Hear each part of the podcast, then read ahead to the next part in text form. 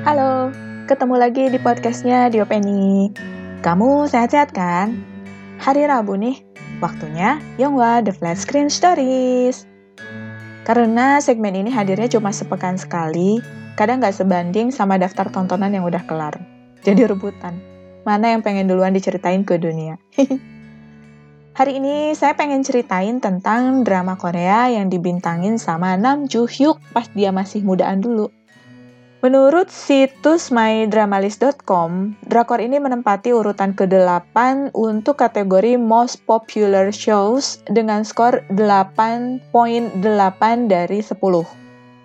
Ceritanya, ada seorang atlet angkat beban cewek bernama Kim Bok-ju yang jadi andalan sekolahnya untuk mendapatkan medali emas.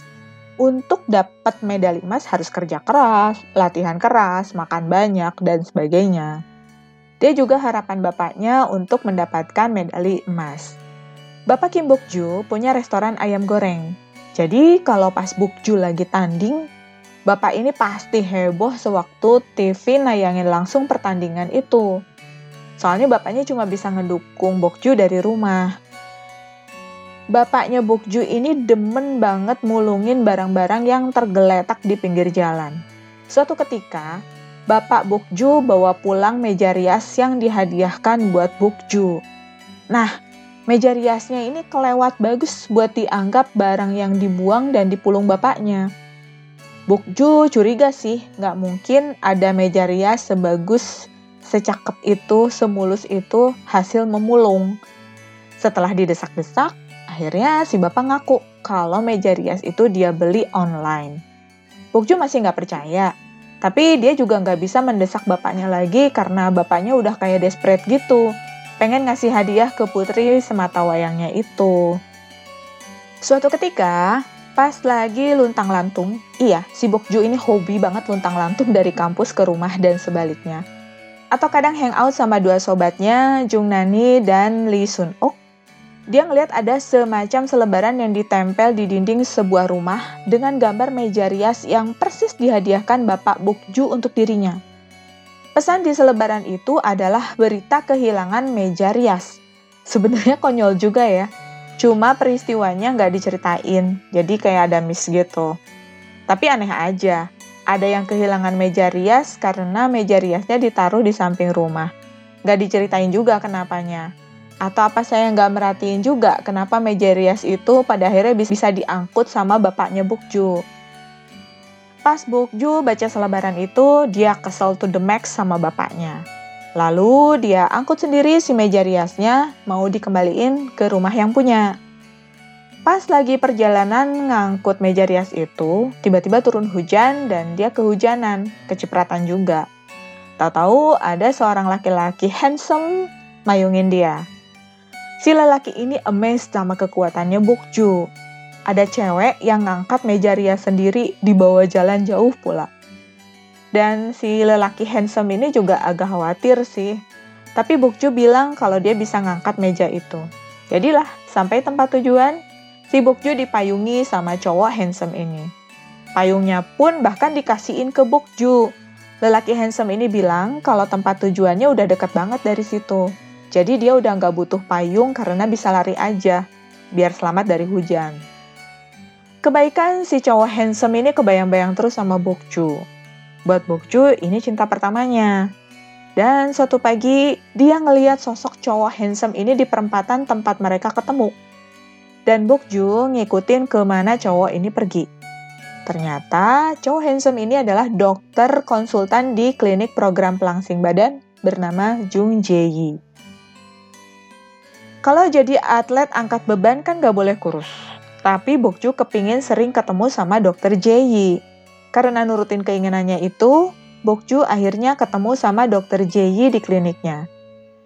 Disebabkan oleh karena Bokju malu mengakui bahwa dirinya itu atlet angkat beban, dia ngaku-ngaku kalau dirinya adalah pemain selo alias selois. Padahal dengar musik klasik aja dia nggak pernah apalagi pegang selo gara-garanya itu dia ngelihat ada patung selo bukan patung selo siapa ya kayak miniatur selo di mejanya si dokter dan langsung dia terinspirasi buat ngaku-ngaku bahwa dia adalah seorang selois Dan dia pun akhirnya terjebak, ikut program nurunin berat badan di klinik itu sampai bayar sekian ratus ribu yen yang menguras abis tabungannya. Hanya demi bisa ketemu kecengannya itu. Tapi gara-gara memulainya dengan kebohongan, Bokju jadi terus-terusan bohong, bohong, dan bohong. Dia juga bahkan nyembunyiin soal dokter Jae dari kedua sahabatnya. Oh iya, di awal drama ini, ceritanya Bokju tabrakan sama atlet renang Jun Hyung yang bikin sapu tangan Brenda berharga punya Jun Hyung ada di tangan Bokju. Karena ada kejadian pencurian daleman di asrama putri, Bokju pun nuduh Jun Hyun pelakunya karena dia punya sapu tangan Brenda yang seksi. Jung Yun juga digambarin aneh gitu sih di situ. Suka cium-cium sapu tangannya itu dan kelihatan obsesif banget. Seiring cerita, ternyata Jun Hyung teman SD Bukju dan tahu kalau Bukju naksir kakaknya. Pokoknya ceritanya jadi ruwet. Mulai dari ngumpet-ngumpetnya, belum lagi sobatnya ngambek pas tahu Bukju nyimpan rahasia. Apalagi akhirnya Bukju ketahuan sama Jae kalau dia bukan selois, melainkan atlet angkat beban. Setelah sebelumnya Bukju pamitan gak akan ke klinik lagi karena bilang mau sekolah di luar negeri. Yang terjadi adalah dia ketahuan sama bapaknya kalau dia ikut program penurunan berat badan gara-gara kelakuan seorang atlet senam ritmik yang cemburu sama dia gara-gara kedekatannya dengan Jun Hyung. Masalahnya adalah, Bukju harus naikin berat badan untuk ikut turnamen berikutnya. Divisi angkat beban ini lagi dianaktirikan sama kampusnya. Belum lagi salah satu pelatih mereka pakai anggaran operasi divisi angkat beban untuk nebus salah satu atlet yang kena denda di kantor polisi gara-gara mukul supir taksi. Pokoknya jelimet banget dan ruwet banget ceritanya. Meski masalahnya banyak, tapi drama ini kocak. Jun Hyung jadi satu-satunya orang yang ngertiin banget Bukju. Bahkan dia tuh marah banget sama Hyungnya pas Bukju lagi pertandingan, Jae malah muncul. Ceritanya sih mau ngasih semangat, tapi malah bikin Bukju down. Walau akhirnya sempat dapat medali emas dulu, si Bukju kemudian nangis karena ngelihat kemunculan Jae. Uh, Bukju juga pernah kerja sambilan jadi tukang angkut-angkut barang di sebuah supermarket pas dia minta break dulu pas hat karena hatinya berantakan. Terus kasus pencurian dalaman itu juga akhirnya terungkap siapa pelakunya dan diceritain juga kenapa si uh, Jun Hyung ini terobsesi sama si sapu tangan Brenda itu.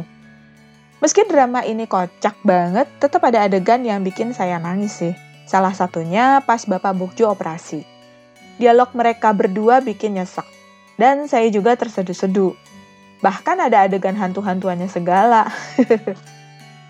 drama ini matahin perasaan saya yang selama ini nggak pernah suka sama Lee Sung Kyung, pemeran Kim Buk Ju. Harusnya saya nonton drama ini duluan ya, biar nggak sebel sama dia. Soalnya beberapa drama dia yang saya tonton perannya nyebelin terus. Meski dia main di About Time yang perannya aman dan gak antagonis, tetap aja saya nggak suka.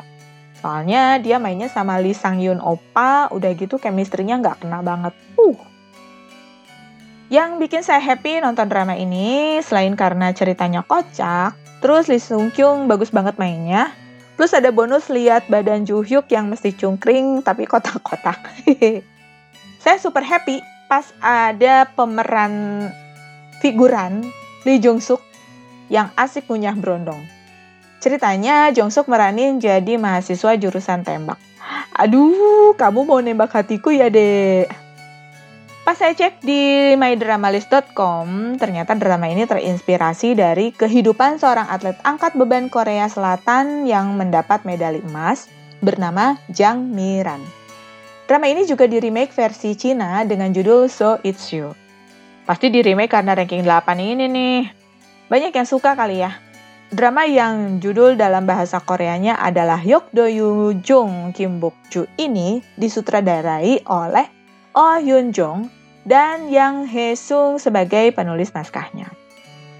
Drama yang judul bahasa Koreanya Drama yang judul dalam bahasa Koreanya adalah Hyuk Do Yu Jung Kim Bok Ju ini disutradarai oleh Oh Hyun Jung dan Yang Hisung sebagai penulis naskahnya. Kalau kamu belum nonton dan butuh ketawa ketiwi buat menjaga kewarasan, saya rekomendasiin drama ini. Mengenai rating, uh, konten ratingnya untuk 15 tahun ke atas. Pas lah, pas, pas, pas, cocok. Oke, okay, sekian dulu celotehan saya tentang drakor weightlifting Fairy Kim Bokju. Jangan lupa follow Instagram di Yopeni ya, di .o.penny. Makasih ya udah dengerin. Sampai ketemu lagi. Kamu harus terus sehat biar bisa dengerin saya ngoceh lagi. Jangan lupa, bahagiamu always comes first. Dadah!